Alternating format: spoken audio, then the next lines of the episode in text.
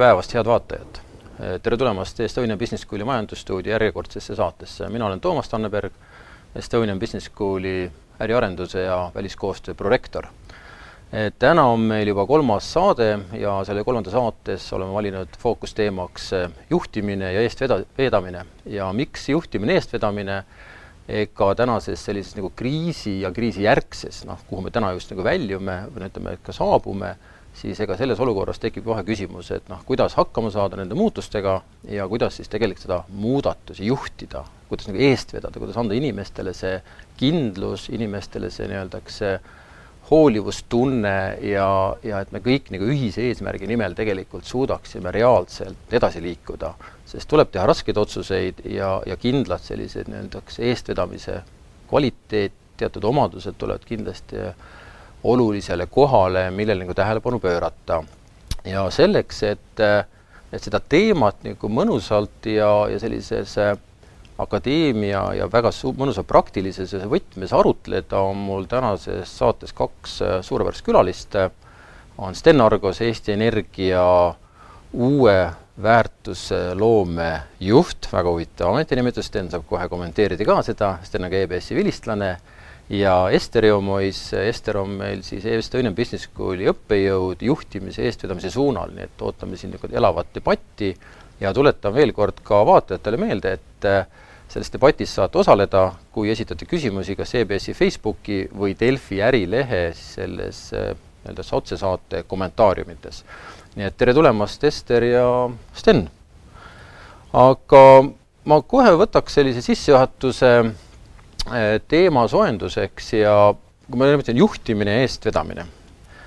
ja siis on alati küsimus, et no mis asi see juhtimine, eestvedamine, et, et see, see nii-öelda ka liidri roll olemas, et noh, kas juht ei ole liider või võime öelda, et liider on alati juht, et võib-olla teeks ka hästi kiire sissejuhatuse nagu sotid selgeks, et äh, nende terminite poole pealt või me nagu üle tähtsustame neid termineid, ma alustan Estrist võib-olla isegi, et kuidas siis nagu akadeemiline nagu vundament ütleb nüüd ja et äh, tervist ka minu poolt, et tõesti, et kui me vaatame ja, ja mõtleme selle üle, et, tiht-, kas, kas sa oled juht või sa oled liider, et on erinevaid definitsioone, et aga kui täpselt kuulata ja, ja mõelda selle üle, et siis äh, liidriks olemine ehk eestvedamine on siis äh, teha õigeid asju. vaatame suunda, me vaatame visiooni ja juhtimine on teha neid asju õigesti, panna paika tähtajad, plaanid, eelarved, meeskonnad, nii et, et selles mõttes ei saa üks ilma teiseta. Ja ma arvan, et täna organisatsioonides sellist luksust ei ole, et sul on üks inimene on liider ja teine on juht, mõni tahab olla rohkem juht või liider, et ma arvan, et tänane aeg, selline kriisiaeg, kuidas me seda nimetame, nõuab inimest, kes panustab mõlemasse Sten, kas sa oled juht või sa oled liider? no ma loomulikult tahan olla liider, et, et see kuidagi minu mindset ja kõik see kõnetab sellest, kas ma olen liider või mitte, eks seda hindavad loomulikult teised rohkem. aga minu jaoks see liidri definitsioon ühe lausega kokkuvõttes on see, et kui ma vaatan selja taha, et kas seal on keegi. ja kui seal on keegi, siis on liidri eeldused vähemalt olemas, kui seal kedagi ei ole, et siis sa oled täitsa tavaline juht ja, ja ütleme, mõõdupuu võib-olla selleks on see, et, et kui sina liigud kuskile, kas organisatsiooni sees või teise organisatsiooni ja, ja sa kutsud endaga inimesi kaasa ja kui sul on nagu põhimõtteliselt järjekord seal ukse taga, kes sinuga koos töötada tahavad, siis jällegi ma võiks öelda, et on liidri omadused olemas. kui sul on nagu väga raske oma eelmistest nii-öelda meeskondadest või ka, ka käesolevatest meeskondadest kuhugi edasi koos liikuda, see tekitab probleeme, siis tasuks jällegi korraks võib-olla peeglisse vaadata, et oled võib-olla rohkem seda juhi tüüpi et see on see definitsioon minu jaoks. ma, tuleme tagasi täna ka ühes selles äh, teemarubriigis ka McKinsey artikli juurde praktiliste soovitustega, seal oli ka tegelikult huvitavalt öeldud, et liidri roll just sellises kriisi puhul, mis tuleb nagu hästi nagu välja, on see, et kuidas teha siis selline, kuidas anda selline positiivne mõju inimestele, kellega sa koos töötad või kes sinu tiimis töötavad, et tegelikult need inimesed tunnetavad, et kuulge, et et, et ma, et see nagu seal on see positiivne nagu efekt olemas, et see on kindlasti nagu empaatia pool ja see ka, aga ma olen täitsa nõus, et et sul peab olema järgijaid, nii kui hea strateegia puhul öeldakse ka, et mida parem on strateegia, seda rohkem on järgitegijaid, et noh, seesama kehtib ka selles suhtes selle eestvedamise poole peale. aga eh, selline juba saanud eh, kogemuslik eh, küsimus mul siin erinevates saadetes ja kui me vaatame tagasi, me oleme juba peaaegu kolm kuud nüüd elanud sellises huvitavas maailmas, kõik on ühtemoodi elanud seekord maailmas, kuus miljardit inimest praktiliselt, siis äh, mis on see võib-olla viimase kolme kuu jooksul olnud see suurim väljakutse juhi või liidrina teil? et või su avastus? arvan, et üks on kindlasti see informatsiooni jagamine ja kättesaamine et eh, noh, tegelikult ega siis kodukontoris töötamine ei tähenda seda, et sa annad lihtsalt töötajale lauaarvuti või selle läpaka ja mine nüüd ja tööta. et seal taga on nagu palju rohkem asju, et eh, ja, ja mulle tundub, et, et see informeerit-, mina alati ütlen seda, et informeeritus on igaühe enda asi. et sul peab olema see tahe olla informeeritud ja siis see info ka sinuni jõuab. kui sa ise selleks vaeva ei näe, et siis see informeeritus nagu on väga keeruline tulema et see sõltub inimesest. sellistel kriisiaegadel on, on teistpidi ka see teine pool äärmiselt oluline, et see info peab olema kättesaadav. ja, ja siin on juba nüüd organisatsioonid ja juhid siis oma tiimidele on kohustatud seda informatsiooni niivõrd palju kättesaadavaks tege-, tegema, et inimesed saaksid seda omandada mis ma ise tegin, ütleme, mis ka meie organisatsioonis nagu tehti, oli minu arust väga hästi, oli see, et, et kohe alguses pandi igapäevased sellised nii-öelda lühikesed koosolekud, kus siis sai operatiivinfot jagada, et kas, kuidas viirustega on, kuidas testidega on, kuidas need asjad on, kas kuskil on vaja midagi muuta. ja tehti siis nii-öelda ka juba ettevõtte juhi poolt siis korra sellist kuus sellised suuremad ja sügavamad ülevaated, mis meil igas sektoris on, igas faktoris on, et see oli selline väga hea kombinatsioon nagu operatiivinfost ja siis nii-öelda sügavast infost, et see aitas nagu olla kursis, kui sa tahtsid olla kursis äh, kõige sellega, mis toimub organisatsioonis ja ka laiemalt. ja, ja üks näiteks nipp, mis ma kasutasin, et äh, ka oma tiimis ma tegin selliselt, et mul oli ka iga päev siis pooletunnine äh, koosolek pandud. kui läks juba natukene nagu kergemaks, siis ma vaatasin, et see kaks pool tundi nädalas panna koosolekute alla ainult selle nagu informatsiooni jagamiseks tundus natukene võib-olla juba palju ja siis ma tegin selle ühe vahenipi tegin sellega, et ma teadlikult mõnikord tühistasin selle koosoleku ära vahetult enne koosolekut. ja tegelikult ma teadsin, kõigil on koosolekud päevad täis ja nagu otsast andmine käib kogu aeg. ja ma tekitasin neile vaba augu ja, ja täitsa teadlikult mõnikord selline ootamatu vaba auk andis inimestele hingamisruumi. ja hiljem ma tegelikult viisin siis need äh, iganädalased koosolekud kolme, kolm korda nädalas, et noh, piisas täitsa sellest kolm korda nädalas. et selliseid nippe kasutades ma usun, et seda informeeritust saab tagada ja kui sa oled kursis nii ettevõtte käekäiguga, oma osakonna ja oma inimeste käekäiguga, siis see on see, mis äh, loob seda nagu väärtust edaspidi. ja teine asja pool, ma arvan, oli see, et hoolimine inimestest päriselt võimendus. et ta, minul on ta nagu omane olnud nagu kogu aeg, aga, aga mind tegelikult ka aina rohkem huvitas, kuidas inimestel seal kodus läheb ja, ja see ei olnud nagu see, et, et ma juhina nüüd kuidagi tunnen või liidrina, et ma pean seda tegema, vaid see tuli minul nagu loomulikult ja, ja, ja ma nägin ka organisatsioonis teised juhid aina rohkem nagu tegelesid sellega, et äh, kõik koosolekud ei olnud nagu nui neljast ei vaadatud Excelist numbrit, vaid räägiti ka sellest, et kuidas su koeral läheb ja ja kuidas sul see kodus töötamine läheb, et see oli selline inimlik pool selle asja juures. sa olid ju perega tööl, noh, väga ja, tihti nagu öeldakse, et ei, ja mulle meeldis, kui ma kuskilt lugesin seda, et, et see ei olnud kodus töötamine, vaid see oli nii-öelda office'is magamine, et, et kuna see töö päev läks nii pikaks alguses ja kui ei saanud sellest rütmist välja, siis jah, pigem öeldi selle peale, et see nüüd on äh, kontoris magamine, mitte. suur su tiim on? Äh, ütleme, see on noh, erinev, otse neid inimesi minu tiimis täna on selline viis-kuus, äh, aga noh, kuna minu see ametinimetus tegelikult on, me tegeleme uute teenuste väljatöötamise ja turule toomisega et just eelmine nädal tõime ka kindlustuse turule, et äh, ja neid asju tuleb järjest juurde, siis see tiim, kellega ma kokku puutun ja noh, igapäevaselt suhtlen, on, on väga lai ja üle mitme riigi, nii et äh, et ma arvan, et see oma tiim on täna väike, aga koostöö on väga lai. sinu väljakutse, Ester, viimane kolme kuuga? väga huvitav, huvit-, huviga kuulasin, mis sa, mis sa rääkisid ka, et, et võib-olla äh, üks, mis eelkõige mulle, mis ka paljud, paljud ütlesid mulle juhid, et, et tegelikult ma töötasin, olen nüüd töötanud palju rohkem kui enne -hmm. et ma arvan, et see on nagu selline huvitav, et kuidas siis tegelikult ju paljud ettevõtted üldsegi, ma olen nii palju rohkem nagu töötanud, et ma arvan, et läks aega ja mõtlemist ikkagi, et saada see tehnoloogia päris enda omaks, et mina teen erinevaid projekte, olen ülikooliga seotud, siis tegelen sellise tervishoiu startup'i ettevõttega, lisaks veel erinevaid projekte, igaühel oli natuke oma platvormid, oma tehnoloogia, et mis ma kindlasti veendusin, et äh, iga juht peab olema digitaalselt kompetentne, et see oli esimene väljakutse, et kuidas väga kiiresti saada nii, et need, see tehnoloogia on minu oma. ja võib-olla ka ülikooli mõttes EBS läks äh, tänu ettevalmistusele, tänu tegelikult sellele, et meil oli juba varem kasutusele võetud selline ülikooli tark, ülikooli platvorm, õpi, õpiplatvorm Canvas, praktiliselt üleöö oli võimalik äh, üle minna, kõik materjalid sinna üles, kõik teha, aga ikkagi selge oli märk, kui sa esimest äh, loengut äh, teed nii-öelda online. nii et ma arvan, et see valmisolek, kui tuleb edaspidi selliseid muutusi, valmisolek tehnoloogia poole pealt kasvas lihtsalt helikiirusel ettevõtetel lisaks veel üks väljakutse, mis on mul siiamaani, mida ma tihti ikkagi viljelen, ma ei ole seda veel välja päris juurdunud, on see, et et ma ise nagu üldjuhul ikkagi olen ka eeskujuks sellega, et videokoosolek on videoga, kui me räägime digitaalsest suhtlusest. Ja, ja ma toon seda näidet ka siia tihtilugu juurde, et äh, me oma tiimis oleme päris hästi juba, kõik on nagu videoga ja, ja üldjuhul ja, ja see toimib. et kui on füüsiline kohtumine nagu praegu, siis ma ei lähe laua alla, ei räägi sealt või ei lähe ukse taha ja räägi sealt, et miks siis videokohtumisel peaks see teistmoodi olema. Et aga vot see on harjumus, mida inimestel on väga visa tulema, et, et kes ei ole harjunud äh, digitaalselt suhtlema ja, ja aga nüüd on juba oluliselt paremaks läinud. ja, ja uuringud näitavad ka tegelikult seda, et, et kui me noh, mis meie, kui me üldse räägime, kui räägime suhtlusest, see ei ole ainult sõnum, see on kehakeel, see on parakeel, kuidas ma asju räägin ja sama kehtib ju ka nüüd nii-öelda kaugjuhtimise korras. et absoluutselt, et uuringud on ka esimene asi, kui sa tahad olla, vaata, et, et see kaugjuhtimine, see ei ole midagi, et nüüd juht on ära kadunud kuskile, ta ei ole nagu see invisible nagu inglise keeles, ei ole kadunud. vastupidi sa oled kohal ja esimene, et sa oled kohal, sa näitad ennast ja oma tiimil ka annad selle ülesande, otsige oma need äh, kaamerad ülesse. ülikoolis on see küll väljakutse, ütleme nii, et äh, tudengitega, kui sul on väga suur rühm, äh, aga sa annad oma reeglid ette ja vähemalt sellest lähtuvalt inimesed teavad, mis on see ootus.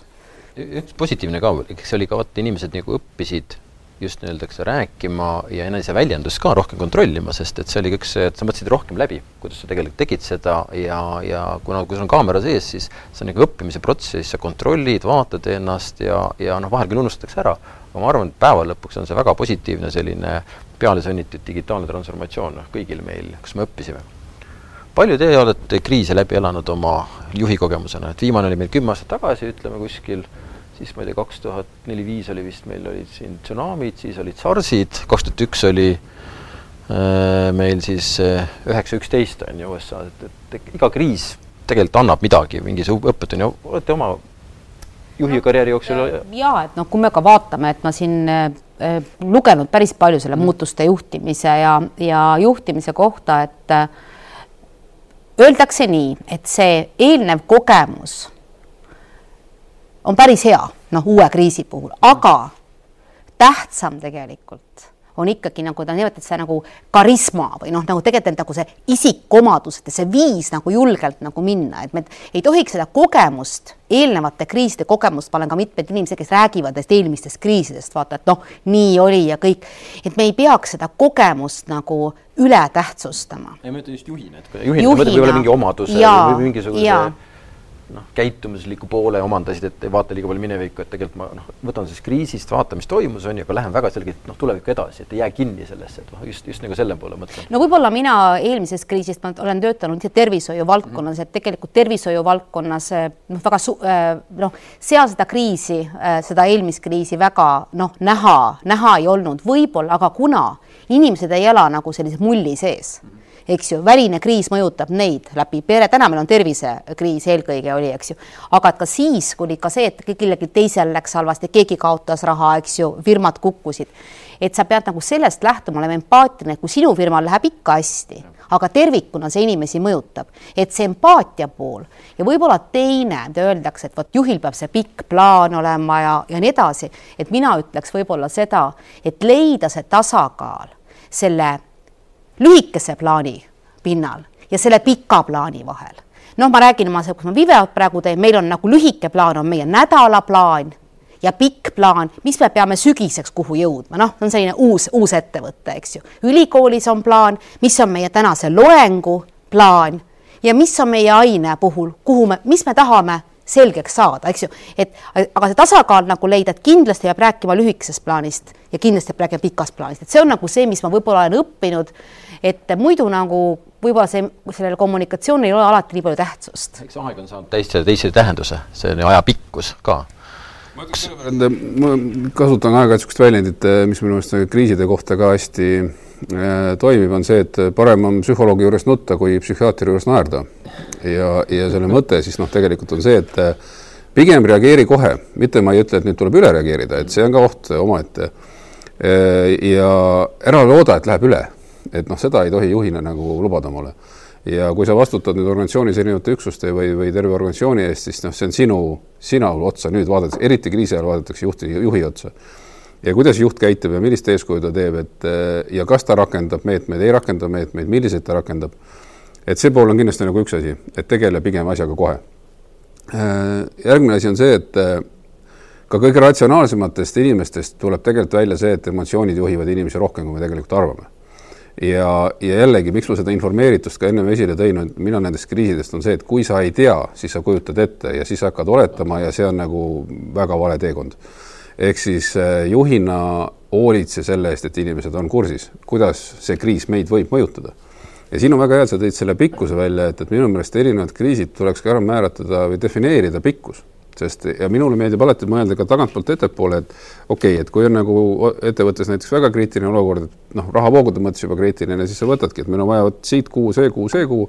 selleks, et me siia kuuni saaksime elada, me peame tegema seda, seda tagantpoolt ettepoole, väga lihtne matemaatika aitab siin alati edasi. Et mitte nagu siis vot sellisel hetkel rääkida, et järgmine aasta me kuskile laieneme, see ei ole sel hetkel oluline. sellel hetkel on oluline kolm kuud läbi elada, noh, sõltuvalt ärist ja sõltuvalt ärivaldkonnast võivad need perioodid olla erinevad, aga see tulekski defineerida et millised mõjud meid võiksid ohustada just nüüd lähikuudel. ja, ja teine selline asi on see, et, et tihtilugu kriisi ajal hakatakse koguma andmeid. ja siin tasuks nüüd ka jällegi mõelda seda, et kuhu, eh, mida nende andmetega teha, et on olemas kahte tüüpi andmeid, on andmed ja on kasutatavad andmed. et me ei eh, keeraks vinti üle nagu nendele inimestele, et, et kuule, nüüd toodame tohutult palju aruandeid, et aga milleks et noh, mina olen see, mina olen see miks-mees, kes alati nagu eh, väga tihti asju küsib nagu täitsa siirast, et ma tahan aru saada sellest miksist, mitte et ma kuidagi õelutseks või urgitseks, vahest on tundunud nii ka. aga ei, ma tahan aru saada. Ja, ja ka miks seda vaja on, ma saan aru, selge, noh, seal tekib nagu põhjus-seos, tagajärg nagu suhe. Ja, ja ma saan selle töö ära teha ja see on täitsa loogiline, kui ma sellest põhjusest, miksist aru ei saa, siis ma teen kas seda pealiskaudselt või ma noh, ei tee tahtsin äh, lisada, tegelikult nagu äh, küsida, et, et selle üle väga palju räägitakse, kui vaadata ka sellist äh, juhtimiskirjandust, on ju. kui aus ja kui otsekohene juht nüüd selles muutuste sees kriisis peab olema? mul ei ole selleks nagu väga head nagu vastust, sa no pigem ütlesid, et, et, et noh, et ära peida pead liiva, liiva alla. aga noh, sellest, et olla nüüd lõpuni aus, sinna jääb veel mitu erinevat nagu taset mina olen oma loomult ja ka oma käitumises, ma arvan, seda koolkonda pooldav inimene, et ausus on nagu ausus ja avatus nii suhtluses kui sisus. et see on nagu A ja O. ütleme, minu jaoks on ainuke piirang see, et kui ma olen börsiettevõttes, siis ma ei saa võib-olla kõigist asjadest parasjagu rääkida, sest börsiettevõttel on teatud reeglid. aga ülejäänud asjad, kuidas ettevõttel läheb, kuidas meie osakonnal läheb, kuidas meie mõjutab üks või teine asi, pigem räägin kõik ära kui ma ei usalda oma meeskonda, kellele ma seda rääkima pean, see on teine probleem ja siis ma pean selle probleemiga tegelema, kui ma ei usalda neid. aga seda, et, et ma nagu jätaks midagi oma teada, et ma olen juht, et ma nüüd olen kuidagi targem või midagi, ei kindlasti mitte. et inimestel on, vot see täpselt sama, sama, et kuigi ma ütlen, et teie enda informeeritus on teie enda asi, aga mina räägin teile selle kõik ära, mida ma tean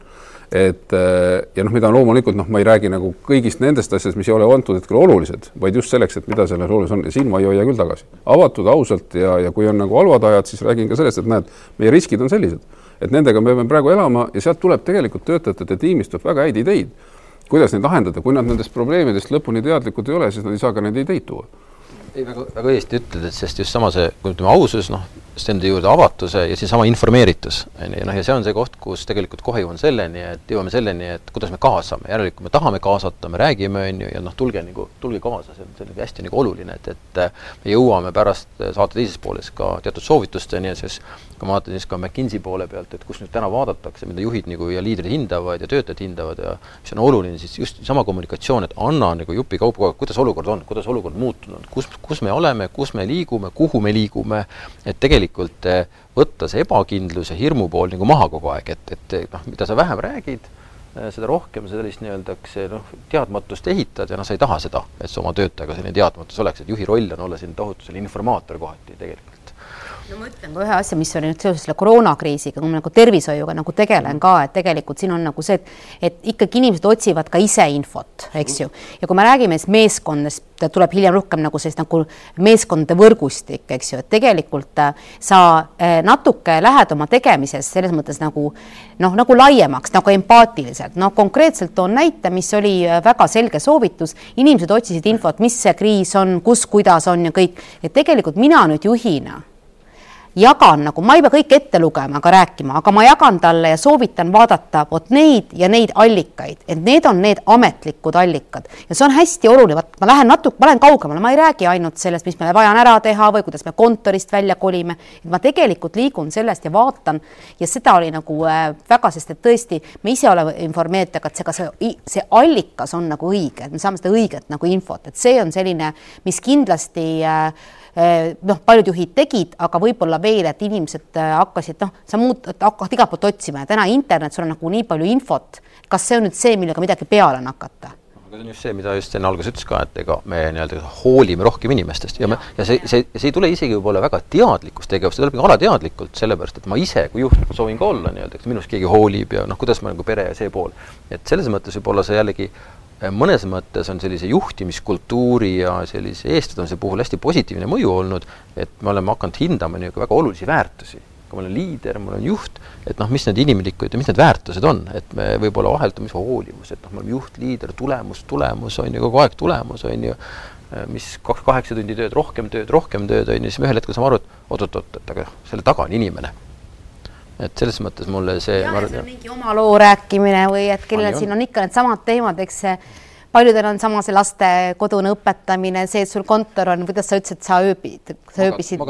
magad, magad tööl või see, et teiste õppejõududegagi suheldes või et sul on äh, selgmärk, kui sa oma esimest äh, online äh, loengut nagu teed või pead siin noh, erinevate asjadega nagu äh, võitlema, et ma arvan, et need lood tegelikult äh, ka lähendavad, et kui sa lased ka muidugi teistel jagada. muidugi see on pingutus, eriti neile inimestele, kes pole enne äh, nii-öelda kaugjuhtimise teel töötanud noh, mis on sinu jaoks võib-olla üks esimesi suuri konverentse või kõnesid, siis see on tegelikult vaata nagu see, tõesti jääb sellega harjuma. piisab ka kodus töötamises selles mõttes, et no, kui sa ei ole harjunud kodus no. töötama, siis noh, küsimus, kuidas ma olen, kuidas Üksinda. ma hommikul riide panen, on ju, kohvid, asjad ja selles noh, väga palju, iseseisvalt, sest sul on väga palju kiusatusi kodus. üks, mul tuleb üks näide praegu meelde, just, just hiljuti ju ennem nüüd seda kriisi algust oli äh, kahjuks ma nüüd ei mäleta, üks äh, härrasmees, kas see oli Saksamaal või kus juhtus, vaata see üle uudiste levis, et tal tuli laps järsku tuppa ja siis naine viis ta ära, onju. Mäletate seda, see oli igal pool. ja ma räägin, see oli ennem ja see tundus siis, et oi, et kuidas tal nüüd laps tuli siis nüüd tuppa ja nüüd, aga nüüd on see niimoodi, noh, igal, kellelgi igal täitsa normaalne, uus normaalsus, et noh, et laps läheb mööda, no täitsa loogiline. aga siis oli terve uudis, terve maailm kajas sellest, et issand, kuidas tal laps tuli nüüd sinna, naine ära. see jõudis, eks ju, lausa. Äh, ja see oli ja noh, nüüd täpselt, et see on nagu see, see oli kuidagi nagu pärast ma kujutan ette sel hetkel, millise peapesu see lapsehoidja sai, kes selle väikse lapse äh, lasi uks oli lahti, eks ju, et, et jah, et ongi nagu uued need reaalsused ja noh, et nende asjade üle, aga noh, loomulikult see äh, Need kuud on olnud väljakutse mitte ainult ettevõtte nagu äriarengu seisukohalt, vaid inimliku arengu ja inim, äh, inimlike aru, noh, nagu arusaamist, et see on olnud kõikidele väljakutse, ka need, kes ütlevad, et see on nii super, kõik on läinud nii hästi, et tegelikult ma usun, et lihtsalt nad on paremad paremad julgustajad ja paremad esinejad, aga ma usun, kõikide jaoks on olnud see eh, aeg eh, pingutust väärt. absoluutselt no.. aga ma järgmise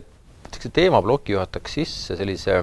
lähme korra tagasi, kui ma alguses ütlesin ka, et juhtimine, eestvedamine, mis nagu erinevus või kuidas nad üksteisest täiendavad, aga vaataks korra sellesse äh, Äh, nende muudatuste juhtimisse ja nende muudatuste eestvedamise sellise nagu, nagu baastõdedesse, et, et me ka siin erinevates, ütleme,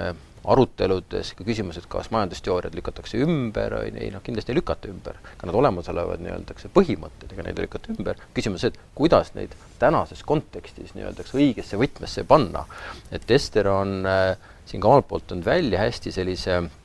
nii-öelda tuntud äh,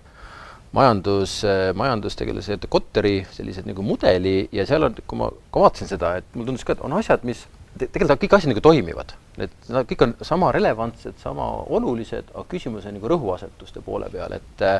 et kui sa nagu, ma võib-olla küsiks ennem Steni käest, et, et kuidas sa nagu ise tunnetad, et, et kas sellised nii-öeldakse noh, juba täna igapäevapraktikas olevad juhtimis- ja kõiksugused võtted, tegevused, mis sul on, et kas, kas on tulnud ka nii-öelda, eks öelda, et kuulge, et aga need ei toimi täna enam või on seal rõhuasetused erinevad mm,? ma arvan, et, et äh, majandusharuti või valdkonniti on siin nagu lihtsalt, kuna see kriis tuli nagu kõigile ja puuga pähe, et, et siis see nagu tegelikult ma ütlen, et põhialused ikkagi töötavad. inimlikkus, ausus, vahetu tagasiside äh,, kokkulepped, noh, kriisi ajal, mis minu meelest nagu võib-olla kellel ei ole nagu ka rohkem või väga pika juhtimiskogemust, on see, et nagu kiputakse nagu üle hindama seda, et, et tegelikult kriisis tuleb teha lühikesed kokkulepped. Sest muutub, info muutub, situatsioon muutub, et ei ole mõtet kulutada väga palju aega selle peale, et teeme nüüd selle plaani ja nüüd lähme sellega hakkame käiku, et kui sa hakkad väga pikka plaani tegema, siis see plaan muutub juba plaani, plaani tegemise käigus. ehk siis pigem see lühiajaline periood äh, nagu äh, kokkulepete tegemiseks, et see on nagu võib-olla üks asi, mis kindlasti selle kriisi puhul nagu eriti töötas. Äh, seesama tagasisidestamine, et, et kuidas nüüd, et üks asi, mis minu arust ka juhtimise ja liidri puhul on nagu niisugune mõõdupuu, on see, et kas eriarvamus on okei? Okay ja noh, see peab päriselt okei okay olema, seda kõik ütlevad, et noh, sa võid nii arvata küll, ma tegelikult ikka noh, otsustan seda, mis ma tahan, aga ma arvestan sellega, et, et kui see nagu see eriarvamus on okei okay,, siis see, see jällegi nagu tegelikult äh, viib seda tiimi kokku. Et sa võid arvata oma arvamust ja see on jumala okei okay,, et sellest ei juhtu, mingit tagajärge ei juhtu sellest et äh, üks asi veel, mida ma hästi nagu julgustan organisatsioone tegema, on see, et äh, nii rahuajal kui tegelikult ka kriisi ajal on see, et, et noh, väga levinud on ka see lause, et äh, ärme otsi süüd-, kui midagi nüüd juhtus ja noh, läks ka kriisi ajal võib mingeid valesid otsuseid teha, tehaksegi, ega siis see ongi uus situatsioon. et ärme otsi süüdlast, lähme edasi. mina ütlen, mis mõttes, ikka otsime ülesse et see organisatsiooni kultuur võiks olla nii terve, et sa otsidki üles selle mitte sellepärast, et kuule, me saaks sulle näpuga näidata, vaid et ei oleks seda oletamist, et mina arvan, et sina oled süüdi, sina arvad, et tema on süüdi ja nii edasi. vaid me teame, et noh, et see on okei okay,, mina, mina tihtilugu tõstan käe püsti, kuulge, minu viga oli et ma võtan ka vastutuse juhina selle eest, et kui ma tegin mingi otsuse ja see ei olnud õige, teeme selle ruttu ümber nüüd, et lähme edasi, et, et mitte seda nagu teha, aga ma võtan selle vastutuse ära, see teema on maas, keegi ei menetle, kes süüdi oli aga kui organisatsiooni kultuur ei soodusta seda, siis muidugi on see natukene keerulisem, aga et see organisatsiooni kultuur võiks sinnapoole liikuda, et see on täiesti okei okay öelda, et kuule, minu viga. see ongi sama, et äh, me aktsepteerime neid asju ja, ja, ja see on ka jälle üks tükk avatusest ja tegelikult meil on oluline aru saada, et noh, päeva lõpuks see, et kui me ei tea, mis, milles probleem oli või kus see viga oli, et noh, me järgmine kord teeme sama nagu rada läheme. me saame kiiremini edasi, kriisis on, kriisisituatsioonides on kiire edasiliikumine mõnikord võtmetähtsusega, et, et sa suudad kiiresti otsustada ja otsustama peab, veel hullem on, kui ei otsustata. See on ka üks selle, ma mõtlesin Kotari puhul ka, et kiire, kiirendus, et noh, see kiirendus on oluline tegelikult, et me teeme nagu neid väikseid asju, aga me teeme kiiresti, kiirus peab olema seal olemas, et, et me saame kohe tagasisidet ka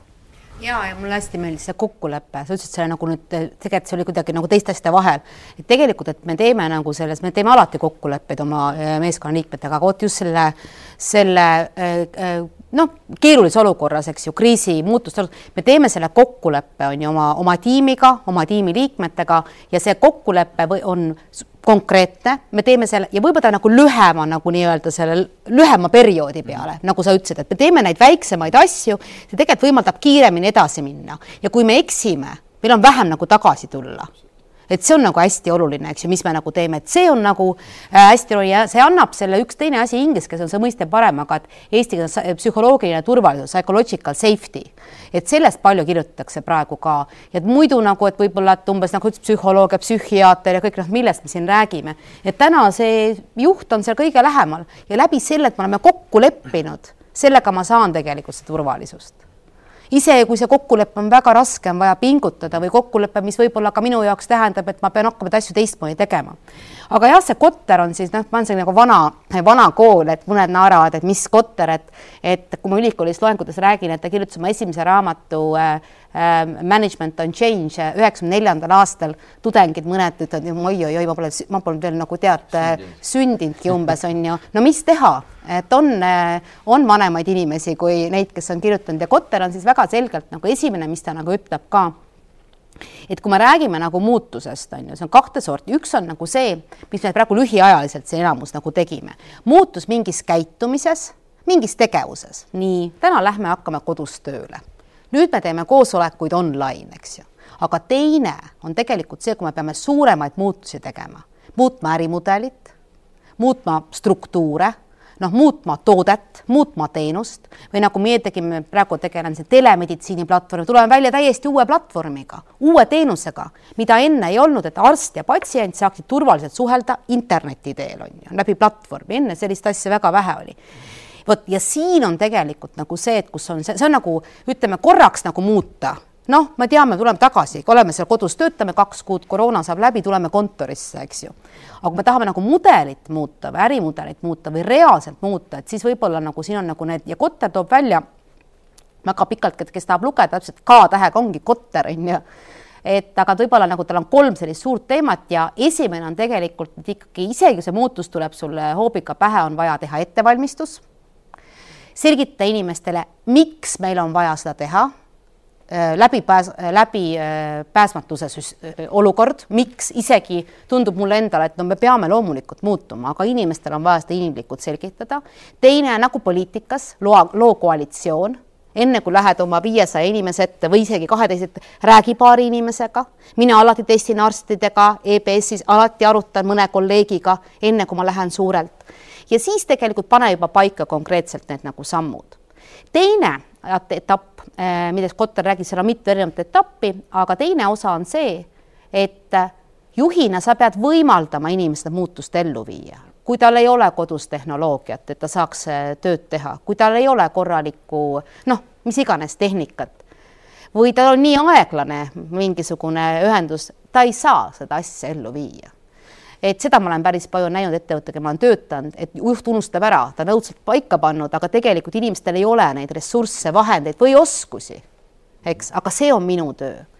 ja kolmas osa on reaalselt siis, kui sa oled juba ühe muutust hakanud ellu viima ja see on õige asi, on ju, teha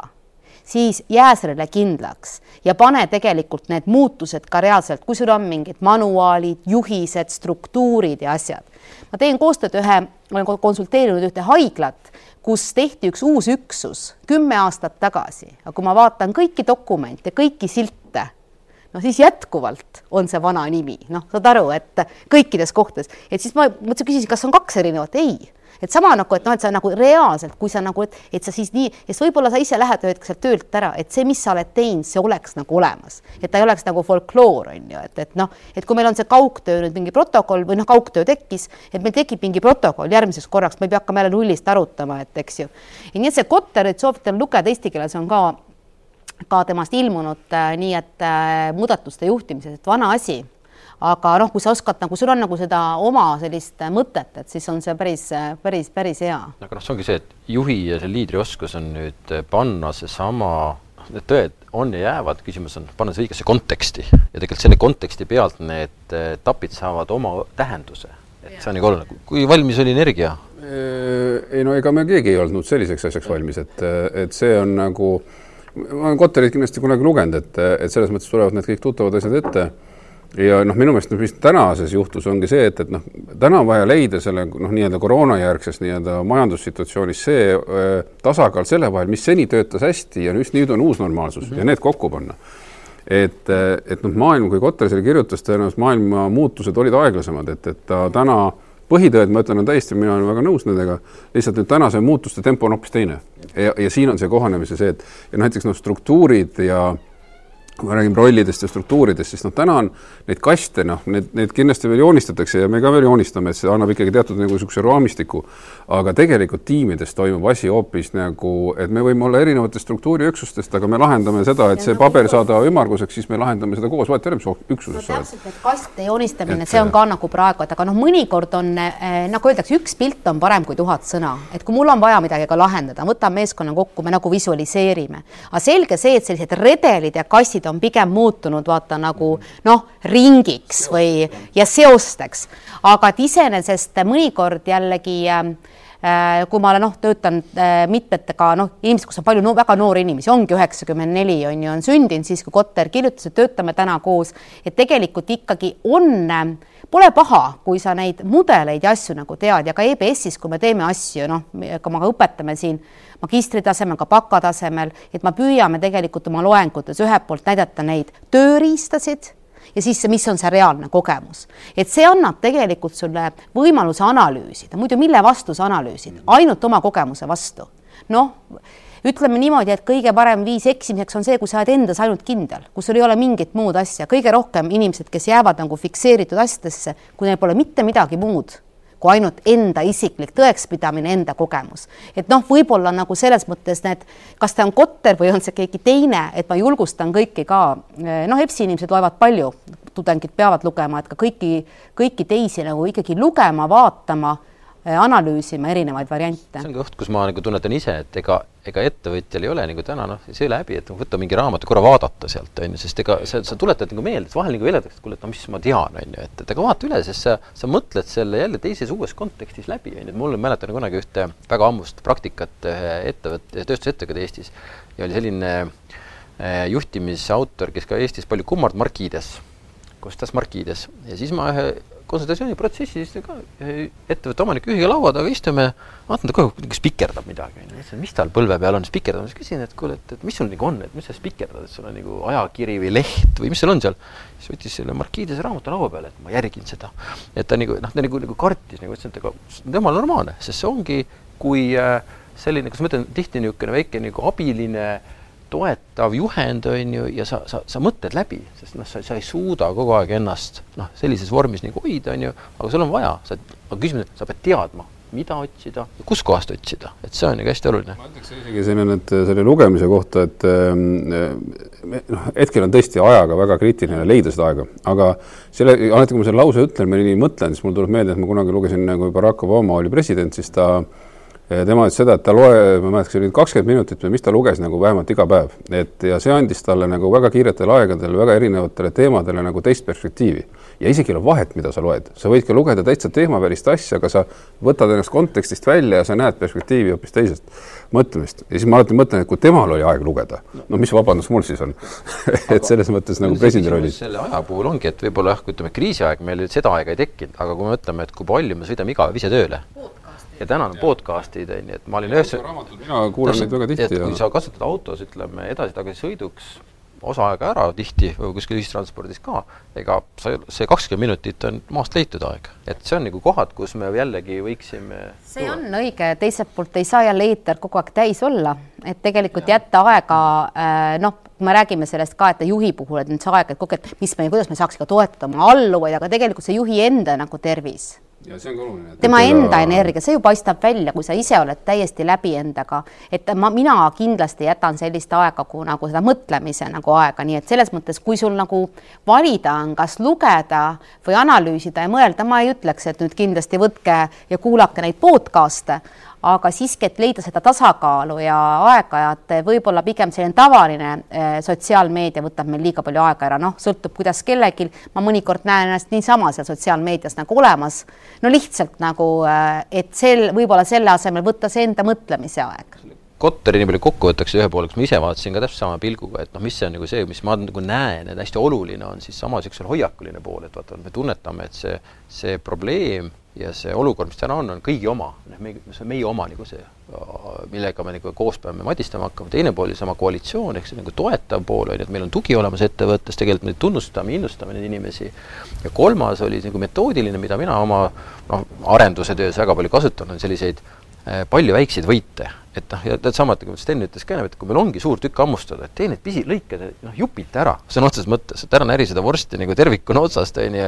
ja vaata, kuna otsa saab või mis juhtub, on ju, aga jupita ära, sest sellises olukorras inimestel kiire tunnustus, kiire tagasiside ülimalt oluline, ta näeb, et oh, tegime ära, väike võit. väiksed võidud, väiksed sammud, et noh, nagu väike laps hakkab kõndima, et vau, vau. et see on nagu, ma leidsin, et nagu mingid asjad, mis mulle tundusid, et tõusevad nagu pinnale mis aitavad just neile väärtustada seda inimpoolt hästi tugevalt.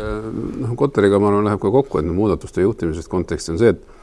et kui ma ennem tegelikult ütlesin seda, et, et noh, et tuleb kriisi lahendada ja vaadata lühikest perioodi ja ei ole mõtet võib-olla mõelda selle peale, et kuhu järgmisse mm, laieneda, siis tegelikult ka selline kriis minu meelest, kas see kriis on nüüd aeglusti või kiirendi? ja, ja, ja, ja siin on tegelikult noh, loomulikult meil ka kümme protsenti prognoositakse, et majandus äh, langeb ja, ja noh, tegelikult kui me nüüd ausad oleme, siis ega me tegelikult ju veel ei tea, mis ees ootab, et, et kui mõtta seda konteksti, et meil täna on äh, suvi, päike paistab äh,, enam-vähem on juba okei okay,, hakkame siin äh, vaikselt kontorissime, nagu majandus nagu võiks isegi nagu hakata elavnema, siis kui nüüd ikkagi see tuleb sügisel teine laine peale, siis noh, minu arust üks suur muutus, mis siin on, on see, et äh, praegu oli kevad ja suvi, see optimism tuli suht kiiresti tagasi. Kui see sügisel seesama ja me teame nüüd, mida oodata, kui see tõesti, see piirangud tulevad ja pime ja see vaimne pool, vot siis hakkab see hästi oluliseks muutuma, et see on üks oht, mida ma kindlasti näen. minu arust ütles Robert Kitt hästi üks päev just, et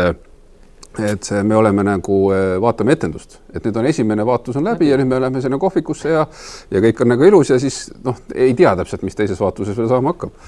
et see nagu üks asi, aga Kotari mõttes tegelikult ma tahtsin seda öelda, et, ähm, et see muudatus nüüd just on nagu hea hetk selleks, et võib-olla see ärimudel või see, millega ma täna tegelen ja tahaks minna järgmisse riiki või järgmisele turule, ei töötagi ja nüüd ta survestab minu muutust hoopis teises kontekstis, mõtlema, et võib-olla ma peaks oma äri hoopis teistmoodi tegema. ja siin on nagu üks asi, mis on see, et, et nagu, et võetakse, see survestab lihtsustama isegi mitte protsesse, vaid funktsioone et sul on see, et, et sul on vaja teha mingi asi, jõuda siia, selleks on see funktsioon vajalik, aga võib-olla seda funktsiooni saab teha hoopis teistmoodi. Online'is, ilma kontaktita, võtad mingi jupi vahelt ära ja see minu meelest see kriis, miks ma ütlen, et see on ka kiirendis omal ajal, survestab inimesi ja juhte mõtlema selles kontekstis, kuidas ma saan fundamentaalselt oma äri, mida ma teen, muuta. ja, ja seda ma julgustan küll tegema, et kas just selle kriisi ajal kiirendi pool jah, ma olen sellega nagu nõus ja ma arvan, et see on nagu oluline, mis tuleb ka nagu välja kogemustest siin ja aga see teine pool, sa ütled aeglusti, ütleme, ja see on ka oluline, aga ma vaatan just aeglusti selle mõttega nagu positiivses võtmes, et ta on tegelikult rahunemine, järelemõtlemine korraks. et, et noh, et võta korraks aeg maha selles tempos ja see on nagu hästi oluline, et et see ei ole midagi nagu negatiivset ettevõttele, vaid see ongi, et kuulge, et stopp nüüd, on ju, et kuidas edasi, mis see olukord on, on ju, ja, ja, ja siis on tegelikult õige aeg ärimudelile laotud alus. mulle hästi meeldib see, mis te räägite sellest kiirendi teemast tegelikult, et nüüd on nagu ka võib-olla nagu kaks taset ka, et vaata, kui igapäevaselt, eks ju, ma pean juhtima seda, me võtame selle juhi rolli, et ma pean juhtima seda, neid väikseid, neid väikseid samme, nädalaplaan, kuupäev, hoida inimesed töös, hoida nad äh, fookuses, äh, võtta maha need üld, üldised pinged, aga siis, et tegelikult õige juht näeb ikka nurga taha, noh, ja me ei tea, mis liidrite meeskond peaks tegelikult mõtlema, võib-olla see ei ole sama meeskond, kellega ma iga päev töötan, meeskond mõtlema selle üle, et okei okay,, mis on meie ärimudelis, et ikkagi tegelikult, mis saab, teeme siis plaani A ja plaani B ja stsenaariumid, eks ju, et ma ütlen, et näiteks ma tean meditsiinivaldkonda, õppimise valdkonda, ülikooli valdkonna mudelid muutuvad, ärimudeleid muutuvad praktiliselt üleöö, noh, selles mõttes, et me võime neid muuta firmana üleöö, eks ju, aga me peame tarbijad ja kasutajad ka järgi. aga reaalselt, no ma ütlen, et täna virtuaalne ülikool, telemeditsiin, eks ju, erinevad digitaalsed lahendused, nad ei oleks nii kiiresti äh, töösse läinud, et see kiirendi teema muidugi, vot et see on nagu selle selle meeleseade, mindset eesti keeles, meeleseade teemat, vot ma nüüd juhina, praegu mul tekkis kohe, ma tõesti, paned oma mees ka mõtte, et okei okay,, ärme vaata seda nii negatiivselt, me kõik teame, et see või tuli tõesti kõigile lagi pähe võrdselt, kas sa olid hea või halb ettevõte, kõik said ühtemoodi. kui sa sektori, noh, sektorit võrrelda ei saa, kui sa sektori siseselt vaatad, siis kõik on võrdses seisus selles samas sektoris ja, ja see on see koht, kus ma ütlen, kuulge, et aga nüüd noh, kas on nagu võimalus meil ja kuidas me seda nagu opportunity'd võimalust ära kasutame. et aga ma tuleks nüüd äh, ühe niisuguse iga, ma ütleks nagu igavikulise teema juurde ja mis on alati, ükskõik, oleme kriisis või rahuajal, nagu te ütles ennem, on motiveerimine. ja,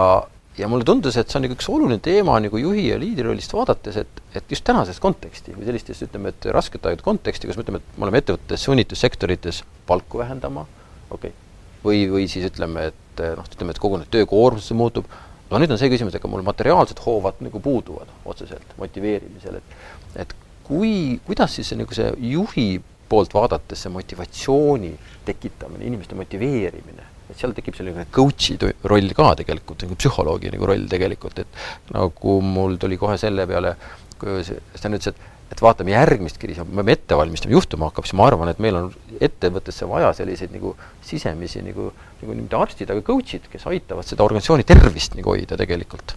et, et noh, just see motivatsiooni pool, et. mina ütleks, et siin on jälle see, mina ise nagu, kui noh, minul on ju ka juht ja, ja, ja kui kõigil on juhid, ükskõik kui suured juhid me ise siis oleme parasjagu, siis mina küsin ja, ja küsin palju ja küsin ja vot miks ma seda küsin ja ma tegelikult ka juhina vähemalt üritan ise nii käituda, et ma ka siis selgitan oma tiimile ja laiemalt mingisuguste otsuste tagamaid ja, ja põhjalikult selgitan, sest ega mulle ka kõik asjad ei meeldi, mida otsustatakse organisatsioonis, aga kui ma mõistan, miks seda oli vaja otsustada, mis selle tagajärg on või miks see, mis, millele see, mis info sellele otsusele eelnes, mis info väljas tollel hetkel ollakse, sest üks asi on ka see, et erinevad rollid erinevas organisatsiooni osades on väga erinevas info väljas ja see, mis tundub mulle nagu täitsa loogiline otsus, ei tundu talle üldse loogiline, sest ta on teises infoväljas. Ma kõigepealt selleks, et ta seda mõista saaks, ma pean looma talle sellise info välja, et ta saaks seda mõista. ja siis on inimesed nii-öelda nagu samas, no ütleme, motiveeritud, isegi kui sa oled sunnitud tal palka vähendama, sa selgitad olukorra ära, jah, mulle ka ei meeldi seda palka vähendada, mul endal ka väheneb sellel hetkel. aga kui me seda koos mõistame, siis see on eeldus, et motivatsioon säiliks. ja siis on meil minu meelest on läbi aegade ma olen näinud nagu organisatsioonis nagu kahte tüüpi inimesi, et ja ma ise nagu õppisin seda õnneks, et ma olen selles ühe, enda arust nagu selles ühes pooles, mis mulle rohkem meeldib, oli see, et, et kui organisatsioonis, ütleme isegi mitte kriisi ajal, aga organisatsioonis tuleb mingi suurem muudatus, tuleb info, et vot ma ei tea, homme kell kaks tulge kõik kokku, on mingi teadane. ja siis inimesed jagunevad kahte poole, ühed on sellised, keda kipub tihti olema päris palju, appi-appi, mis nüüd tuleb, mis mu tööst saab, mingi muutus tuleb, nüüd on mingi jama ja teine grupp on siis sellised, kes mõtlevad, oo äge, mingi asi tuleb, midagi, noh, ei tea, mis tuleb, aga mingi äge on, et ma õppisin seda omal käel kunagi nagu, kuidas ma õppetunnina meelde jäi ka juhina, siis äh, töötasin SEB-s ja oli ka, tuli nüüd teadaanne, ma ei mäleta isegi, mis see sisu oli, aga see ei olnud üldse nii oluline, see, see lõpuks see sisu, aga et teadaanne tuleb. mina helistasin siis ka oma juhile muude asjade pärast ja siis muuseas küsisime, et mis see teadaanne, et ostsime Norde ära või midagi, et, et noh, niisugune noh, tuli huvitav mõte lihtsalt ja ta ütles, issand jumal, et sa oled esimene inimene, kes helistab, et äkki juhtub midagi positiivset. et ja siis ma nagu tagantjärgi või noh, hilisemas juhi elus olen ka nagu jälginud, et kui mingid muudatused, teavitused, isegi mitte sisu veel, et mismoodi inimesed käituvad. ja ma ütlen nendele inimestele, kes ütlevad ja hakkavad kohe muretsema, aga võib-olla te muretsete põhjusega. mina näiteks ei ole kunagi, ma teen oma tööd nagu hinges nii hästi, et noh, mis iganes see muutus tuleb, minul ei ole mõtet isiklikult muretseda. kui sa muretsed, miks sa muretsed? Et noh, vaata seda tasub iga inimene nagu enda käest küsida, et, et, et millisesse poolde sa lähed ja kui sa muretsed, noh, mina muretsen loomulikult ka, et kui sissetulek kaob ära, pere, kõik asjad, laenud, nii edasi, loomulikult sellepärast, aga iga muudatuse pärast ma küll ei muretse. et noh, sellel ei ole põhjust natuke sõltub see muidugi organisatsiooni kultuurist, et äh, milline on organisatsiooni kultuur, kui turvaline on inimestel olla. mida rohkem tegelikult organisatsioon on nagu ebastabiilne, isegi sõltumata kriisiajast, seda rohkem tegelikult on neid et kes mingi uudise peale mõtlevad, et midagi halba on kohe juhtumas. aga kui vaadata muudatuste juhtimise uuringuid, siis tegelikult need, kes kohe algul mõtlevad, et juhhei, on ju, et kui tore, see muutus on tulemas, kohe nagu, nagu sina helistasid, positiivne sealt, see on väga väike protsent ja see on väga inimlik, viis kuni kümme protsenti. aga see natuke sõltub, mis on selle ettevõtte nagu see turva tu,, tervis ka ja turvastsoon, et, et siin on ka nagu juhil noh, päris, päris palju nagu teha. aga turvastsooni eelkõige me saame luua ikkagi läbi selle, et tegelikult kui inimene teab, mida talt siin tööl oodatakse. Et see on nagu me vaatame, siin on igast erinevaid nagu kaasatuse uuringuid ja asju, siis suur on, ma tean, mis on mu tööülesanded, ma tean, mis mult töölt oodatakse, eks ju. ja siis tuleb veel, et mul on tööl keegi, keda ma saan usaldada, minuga, mulle antakse tagasisidet, kõike muud, aga algab tegelikult sellest. Ja kui nüüd olukord nagu muutub, tegelikult nagu sa võiks öelda, et inimesed jäid ülesanded kõik samaks, no mis, milles probleem, lihtsalt nüüd töötame kodust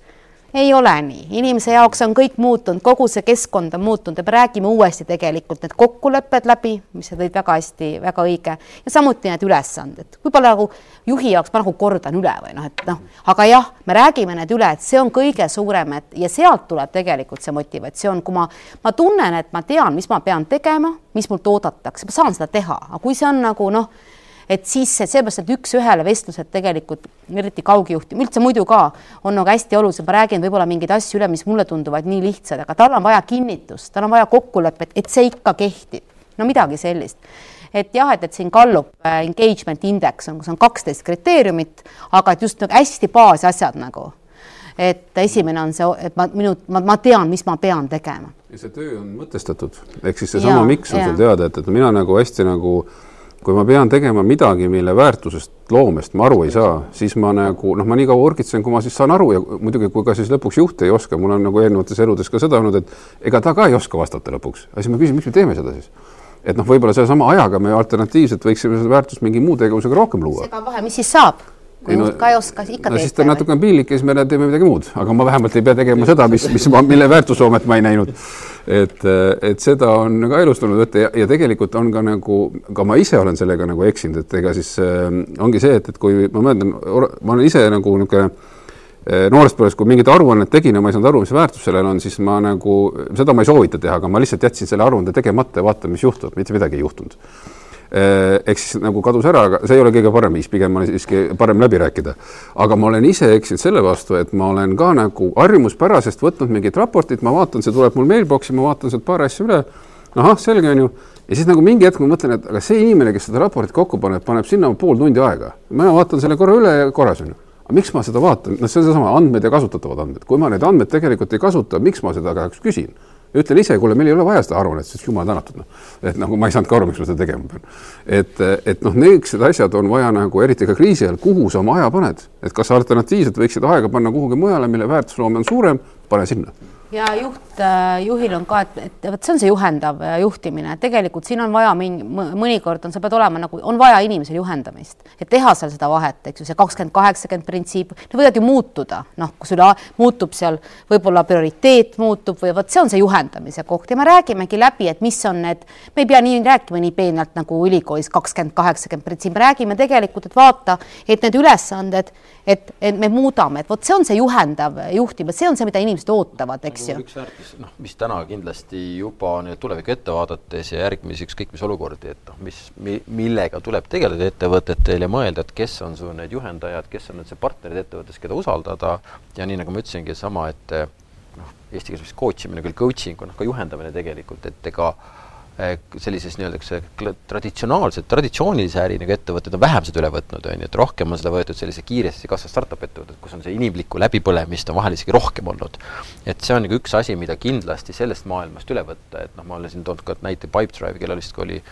globaalselt vist, kui ma ei eksi, kolmkümmend kaks nii-öelda coach'i on ju, kes tegelikult noh, kelle juurde sa võid minna, kes aitavad sind, et mitte kaotada inimest seda väärtust seda väärtuslikku inimest, vaid tegelikult ennetada seda, et sul on ja see on nagu kordades tegelikult päeva lõpuks odavam. kui ma teen otsust, jah, ma võtan omale hulk koostöö tööle, siis võib see keeruline olla, aga, aga just see juhendamine, inimeste selle, inimestest hoolimise pool. ma soovitan hästi seda, et, et ma ise olen ka kasutanud ja just kas siis mentorit või coaching ut, et kellele, kuidas, et, et organisatsioonides rakendada, see võib olla sisemine inimene, see võib olla väline inimene, et aga see aitab jällegi seda äh, korra sellest rutiinist välja tuua, näha teist perspektiivi ja noh, coach imise puhul rohkem sind pannakse tegelikult ise otsustama nende asjade üle, aga sulle esitatakse õigeid küsimusi. ma väga julgustan, et, et mina olen olnud elus väga halb kuulaja läbi coach imist ja ma usun, et ma olen saanud paremaks kuulajaks.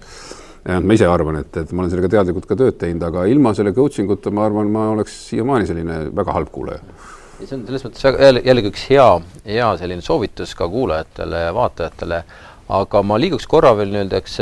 sellise praktiliste soovituste teemaploki veel edasi ja ma refereeriks ühte McKinsey uuringut, mis on väga värske ja kus vaatas just, et mis selles kriisis ja kriisijärgsest nagu on oluline ja, ja mis, mis me tegelikult oleme juba, öeldakse, lugemata tarku artikleid siin ja huvitavaid uuringuid, siis me juba oleme ise aru saanud, et selles tänases situatsioonis vajavad juhid, noh, just mõtteviisi käitumist, on ju, mis takistavad neil ülereageerimist niisuguste eilsetele asjadele. ja, ja aitavad just nagu ettepoole vaadata, et et eh, noh, mul oli vana plaan, aga ärme nüüd selle vana plaaniga nagu hirmsasti jaura seda ümber kirjutada tee. et noh, küsimus on pigem see, et, et noh, vaatame sinna ettepoole, et on asjad juhtunud. Ja see on see koht, kus kus nii-öelda, eks noh, see, kui ma vaatan seda viimast McKinsey uuringut või sellist nagu raportit, siis seal nagu viis sammu on toodud välja, viis sammu, viis soovitust, on ju, et kuidas tegelikult asjadega tegeleda, me oleme osad juba neid nimetanud, aga ma arvan, et nagu tänases nii-öelda selle teema kontekstis ja olukorra kontekstis on seda korra uuesti hea vaadata mis need nagu viis sellist kiiret punkti nagu on, on ju, ja, ja noh, siis me saame siin kohe ka nagu, kommenteerida, et eh, ma, mida Ester, võib-olla sa refereerid korraks Jaa, seda. soovitan kiiret... väga vaadata, see McKinsey on nüüd viimasel ajal päris palju kirjutanud. McKinsey on selline konsultatsiooniettevõte, kelle tekstist saab väga hästi aru ja on lihtne lugeda ja hästi struktureeritud ja mina, mina ise olen lugenud, no mis, mis seal on viis asja, et esimene, mis McKinsey nagu ütleb ka, et tegelikult selline, isegi kui enne on olnud sellist ülevalt alla juhtimist, on ju, noh, et nagu suhteliselt nagu selline, et, et sulle antakse juhised nagu ette, et me peame rääk-, kriisile, olgu see kriis kas või noh, kuigi nüüd me oleme nagu liikunud selles kriisis, et tegelikult me võtame otsustamisel, otsustamise, et meil on võrgustik, meeskondade võrgustik. et äh, ja kes need meeskond, toob siin näiteid ka, et noh, reaalselt siin on siis nii-öelda need nii-öelda Äh, no, tippjuhide tiim, äh, funktsioonide tiimid, aga ka eraldi, kuna see oli tervisekriis, selline tervisetiim, noh, nagu sõltuvalt, mis see kriis on, sellest lähtuvalt selline osakondadeülene. et ma ei tea, kuidas sulle see nagu tiimidega koos otsustamine ja juhtimine, ütlen veel ühe, et järgmine oli kohe see, et anna rohkem otsustamist oma tiimi juhtidele, otsustamist tiimi liikmetele teiselt poolt võiks öelda, et see ei ole absoluutselt, meil on siin kriis, otsustame, teeme, et mis mõttes ma jagan seda vastutust? mina jällegi olen väga seda koolkonna pooldaja, kes mina annangi inimestele volitused ja, ja siis ka otsustusõiguse, sest muidu ma võtaks talt ära vastutuse. ja, ja lasen otsustada ja, ja kui ta, ma olen alati nende jaoks olemas ja hea meelega mõtlen kaasa ja peegeldan neid otsuseid et ja see tiimide ülene asi, noh, see on juba täna igapäev, et see ei ole enam see, et mis tulevikus tuleb, see tegelikult on juba täna igapäev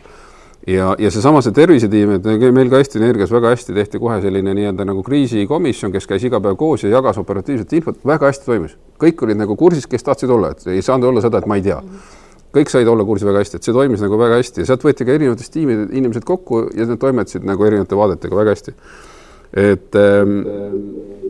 et see tiimide ülene asi toimib, ma arvan, igapäevaselt ja nüüd on ka see, et oluline on see, minu meelest on niisugune maagiline küsimus on see, et ähm, kui ma olen mõnel koosolekul ja asi läheb nagu pikaks ja lappama, siis mul on üks maagiline küsimus, seda ma soovitan ka alati küsida kõigil, on see, et et kui ei saa täpselt enam aru, siis mis probleemi me lahendame. see võtab hästi koosoleku korra kokku ja saab uuesti probleemi sisu juurde minna, edasi minna. aga inimeste puhul on selle usalduse tekitamisega ja sellega ongi see, et, et kuidas sina seda lahendaksid ja, ja sealt tuleb niisuguseid pärleid, et hoia ja keela ja sellega sa võtad ta kaasad selle inimese ja siis sa ütled talle, aga okei okay,, nüüd tee ära ka. ja siis ta saab niisuguse pomm, niisuguse vastutuse koorma mõnes mõttes oma kaela, et pidi ma nüüd pakkuma, aga tegelikult talle meeldib see. kui ta on nagu seda tüüpi inimene, kes tahab juhtida ja vastutada, siis ta, ta, ta naudib seda. ja, ja mulle nagu ka naudin, sest ma näen, et ta naudib seda nii, no siis äh, teine, millest see McKinsey uuring nagu räägib, on tegelikult nagu ma algul ütlesin ka, et võib-olla me seda eelmiste kriiside kogemust nagu hindame liiga üle, et tegelikult ikkagi sõltub hästi palju nagu sellest juhi äh, äh, juhi omadustest, eks ju, juht, noh, ju isegi juhi omadustest. no ta ütleb siis sellist, et ma küsin kohe, et, et mis sinu arust see kõige tähtsam, aga toob siin välja mitu erinevat, ma tooksin ühe, mis siis McKinsey ütleb, et tegelikult see on siis eesti keeles on midagi sellist nagu, et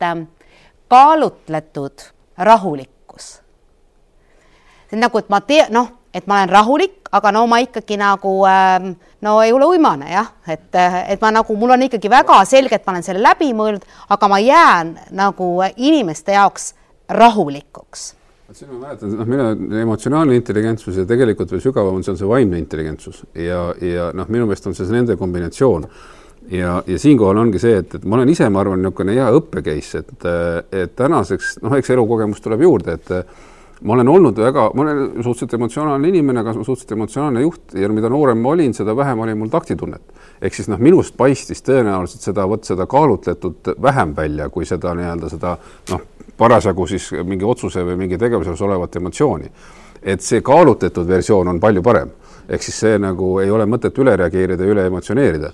ja, ja noh, ma olen alati olnud seda tüüpi eh, ka inimene ja juht, et ütlen kõigile, öelge kõik asjad otse välja, ise ütlen ka suhteliselt otse asjad välja, aga võta siis ise vastu ka, kui sulle öeldakse mm. -hmm. vaata, see on nüüd selle, see kultuuri küsimus nii isiklikult kui organisatsioonis et eh, mida ma nagu, kui ma vähem kogenuma juht olin, siis ega siis väga raske on vastu võtta, keegi otse ütleb sulle midagi. isegi kui ta ütleb üldjuhul õigust. sellega tuleb tööd teha ja kui sa need saad sinna tasakaalu, vot siis on see, et, et see emotsionaalne intelligentsus ja vaimne intelligentsus tekitab sulle niisuguse kaalutletud rahulolu, rahuloleku, kus sa tegelikult oled väga süsteemne, fokusseeritud, aga välja paistad nii-öelda nagu rahulik. ma korra juhin tähelepanu, meie vestlus küll sujuvalt läheb ja väga mõnusalt tuleb uusi nii-öelda ettepanekuid ja soovitusi ettevõttele, kuidas üldse nagu liikuda, aga meil on kolm minutit saate lõpuni et võib-olla võtame siit need, eks McKinsey võtsid kokku ja siis teeme sellise ilusa lõppakordi.